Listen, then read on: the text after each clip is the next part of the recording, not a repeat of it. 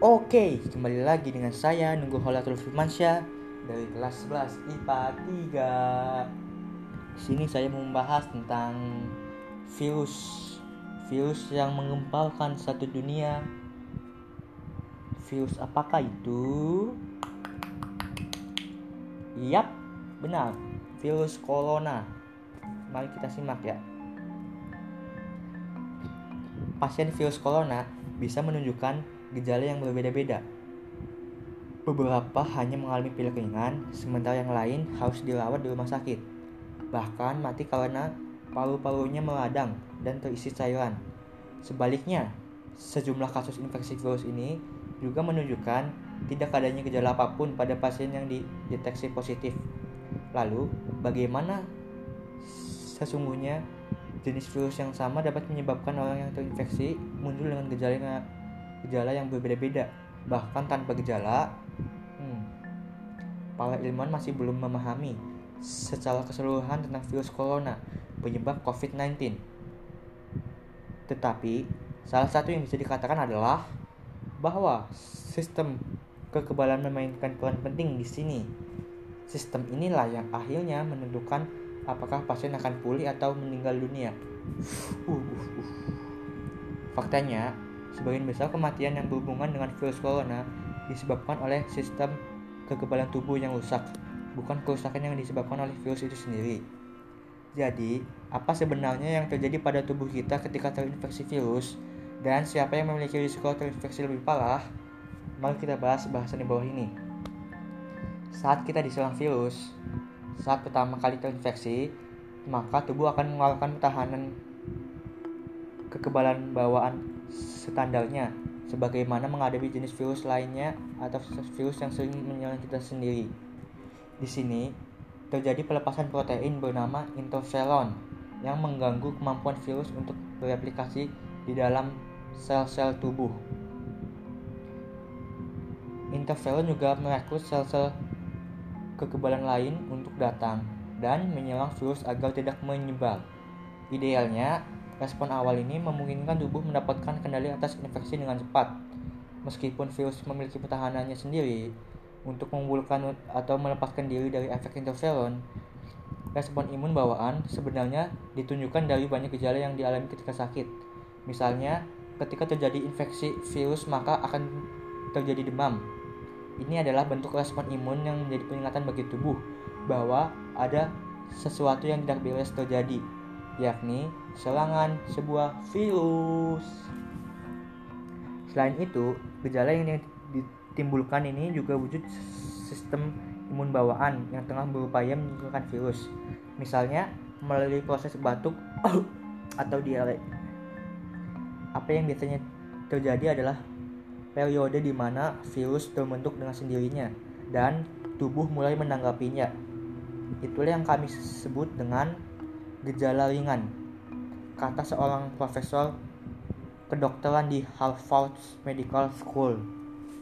Menurut pria yang ahli pengobatan kardiovaskular di Brigham and Women's Hospital, itu jika virus berada di saluran pernapasan, pasien terserang batuk. Sementara apabila virus ada di saluran pencernaan, maka seseorang akan mengalami diare. Gejala-gejala yang berbeda-beda dijelaskan gejala berbeda pada orang-orang yang terinfeksi virus bisa terjadi tergantung bagaimana tubuh menangani virus tersebut.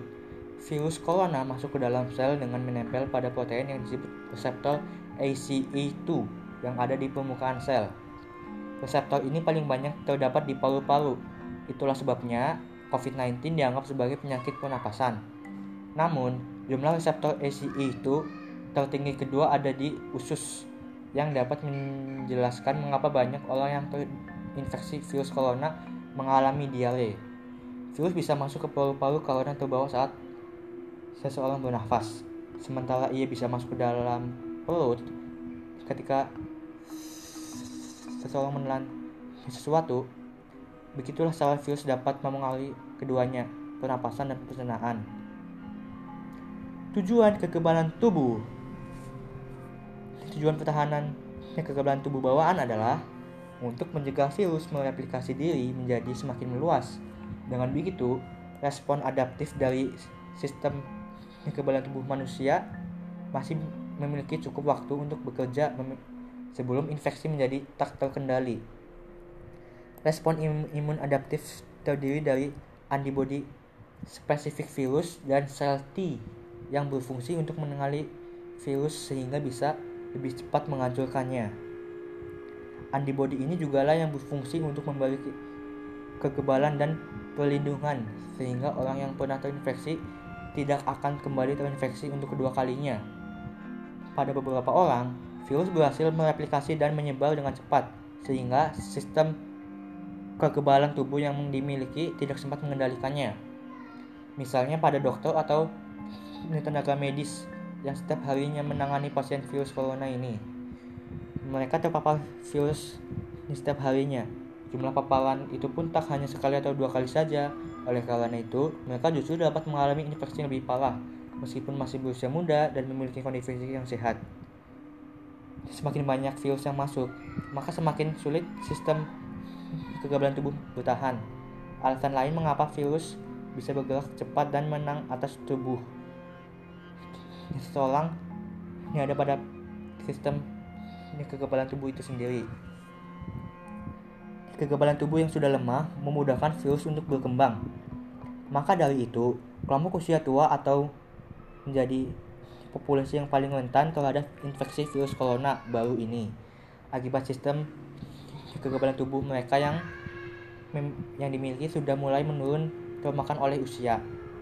Selain orang tua, Kelompok yang terbilang rentan adalah orang-orang yang mengonsumsi obat-obatan sehingga kekebalannya tertekan. Sistem kekebalan yang tertekan ini kemudian bisa mengakibatkan respon interferon awal yang lebih lemah atau terlambatnya antibodi dalam memberikan respons. Hal ini membuat virus bisa menyebar dari satu sel ke sel lainnya hingga menjadi tak terkendali. Jika virus telah menetap di paru-paru, maka penyakit yang ditimbulkan bisa berkembang menjadi pneumonia. Sel-sel di paru-paru mengalami kerusakan dan peradangan. Sebagian sel memang rusak akibat serangan virus, namun sebagian besar lainnya rusak justru akibat sistem kekebalan tubuh yang mencoba menyingkirkan sel-sel lain yang terinfeksi. Jadi, ada dua kemungkinan yang bisa terjadi pada seseorang yang menderita COVID-19.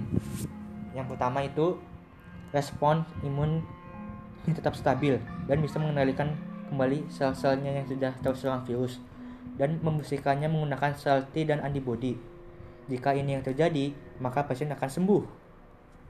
Sebaliknya, sementara yang kedua, sistem kekebalan tubuh yang kewalahan dan menunjukkan reaksi berlebihan untuk menghilangkan virus sehingga menghasilkan lebih banyak protein inflamasi yang disebut dengan sitokin Inilah yang menyebabkan kasus infeksi virus corona berakhir kritis. Pasien menderita gangguan pernapasan akut atau bahkan kematian. Ketika ini terjadi, paru-paru terisi oleh banyak cairan sehingga tidak bisa memproduksi oksigen dan proses pemandaran di jantung menjadi terhenti. Penanganan nanya, penanganan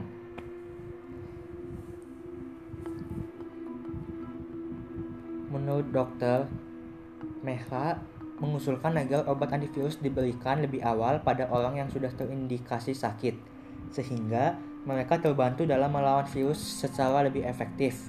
Selain itu, pemberian antivirus yang lebih cepat juga bisa mencegah virus berkembang lebih lanjut.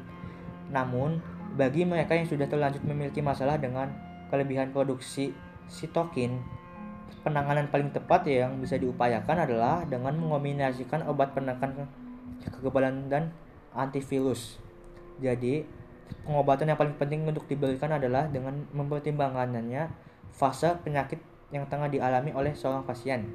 Saat ini, pertahanan terbaik terhadap virus COVID-19 ini adalah sistem ke kekebalan tubuh kita sendiri. Untuk menjaga kekuatannya, kita bisa mengupayakan dengan menerapkan tidur yang teratur, juga olahraga dan asupan nutrisi yang baik. Dan satu hal terakhir yang menjadi paling penting sekarang adalah Berlatih memaksa diri untuk menjaga jarak sosial atau jarak fisik sehingga bisa terhindar dari virus yang sudah tersebar luas saat ini. Itulah yang bisa saya sampaikan tentang virus corona yang menyebab yang menyerang sistem imun kita. Di sini saya juga masih tahap belajar. Maka mohon dari itu jika ada yang kurang atau kesalahan dalam penyampaian saya, saya mohon maaf sebesar sebesar besarnya. Terima kasih. Bye bye.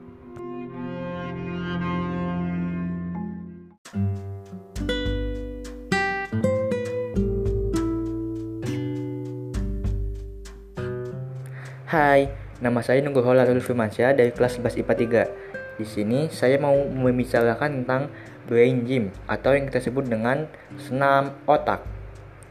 Gerakan senam otak telah dirancang khusus untuk merangsang indera dan menghubungkan ragam fungsi kerja otak. Ketika kita dapat mengakses lebih banyak fungsi kerja otak di saat yang bersamaan, tantangan belajar akan hilang. Peningkatan tingkat kepercayaan diri, motivasi, fokus, dan perasaan positif dapat dengan jelas terlihat pada individu atau tim. Kita akan belajar dengan santai tanpa mengalami stres. Biasanya kita mengeluhkan kesulitan belajar yang membuat kita malas belajar. Dengan senam otak ini, kita akan diajak untuk belajar yang terasa ringan. Waktu senam ini pun sangat cepat, eh, tetapi memiliki khasiat yang luar biasa. Jadi, tak banyak waktu yang terkuras untuk hal ini. Kapan pun dan di mana pun akan mudah kita lakukan. Manfaat yang pertama itu meningkatkan kesehatan mental. Stres itu menyebalkan dan tidak sehat. Beberapa dekade penelitian klinis telah menunjukkan bahwa latihan pernapasan dan meditasi berbasis perhatian dan kasih sayang adalah alat yang sangat efektif untuk mengurangi stres, kecemasan, dan depresi. Terus, penguat konsentrasi alamiah, peningkatan kualitas konsentrasi dan memori, juga ketahanan terhadap gangguan. Terus ada serum anti penuaan untuk otak. Otak secara alami menyusut sering bertambahnya usia. Tadi menunjukkan meditasi senam otak adalah latihan mental yang efektif untuk mencegah penurunan kognitif pada usia yang lebih tua. Otak para mediator jangka panjang bahkan terlihat rata-rata 7 tahun lebih muda. Terus meningkatkan fokus. Saat otak kiri dan, dan kanan saling bekerja, kita harus bisa fokus dalam pekerjaan itu. Sebab jika tidak maka kita tidak bisa menggunakan otak kiri dan kanan secara bersamaan. Misalnya, dalam menggambar menggunakan dua tangan, kita harus benar-benar fokus agar kedua tangan bisa bergerak normal tanpa mengganggu yang lainnya. Terus meningkatkan percaya diri.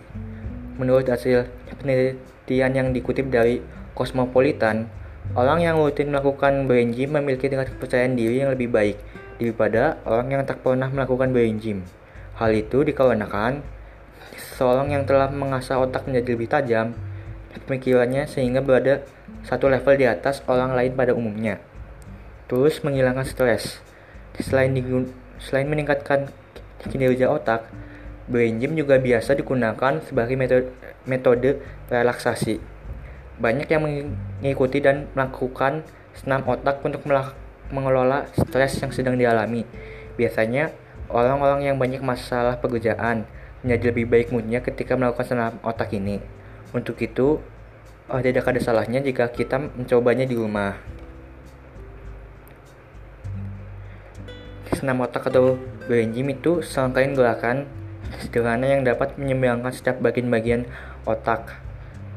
Senam otak merangsang otak kiri dan otak kanan, meringankan atau merelaksasi belakang otak dan bagian depan otak, merangsang sistem yang terkait dengan perasaan atau emosional, yakni otak tengah serta otak besar. Senam otak dapat dilakukan oleh lansia yang masih bergerak atau bekerja dan lansia dengan gangguan keseimbangan dan lansia dengan penurunan konsentrasi, konsep pikir, serta penurunan kemampuan daya ingat. Namun demikian, senam otak tidak dianjurkan pada lansia dengan stroke yang menjalani tilah baring, serta lansia lumpuh total. Tujuan senam otak untuk merangsang otak kiri dan otak kanan, mengingatkan atau merelaksasi belakang otot dan bagian depan otak, merangsang sistem yang terkait dengan perasaan atau emosional yaitu otak tengah serta otak besar. Senam otak di samping berdampak positif terhadap fungsi memori atau kognitif juga mampu merangsang fungsi organ organ tubuh dalam meningkatkan imunitas setelah latihan teratur. Melalui latihan teratur, mampu mengendalikan kecepatan jantung sewaktu istirahat, sehingga lansia lebih bugar karena penurunan denyut jantung secara cepat ke dalam batas normal saat istirahat. Senam otak efektif untuk meningkatkan kognitif pada lansia. Aplikasi senam otak pada lansia dewasa ini masih sebatas pada riset-riset kesehatan. Sedangkan sosialisasi program maupun upaya pelaksanaan dalam program kegiatan di posyandu oleh puskesmas masih belum ada. Gerakan senam otak menurut Denison meliputi tiga kelompok gerakan yaitu gerakan meningkatkan energi, dan penguatan sikap yang terdiri yang terdiri dari 9 gerakan gerakan menyeberangi garis tengah yang terdiri dari 11 gerakan dan gerakan mengangkat otot yang terdiri dari 6 gerakan. Senam otak dapat digunakan oleh semua kelompok lansia karena pada dasarnya senam otak merupakan olahraga ringan yang memfokuskan untuk tubuh tetap bugar. Penggunaan senam otak pada lansia apakah sama dengan pada remaja atau anak-anak?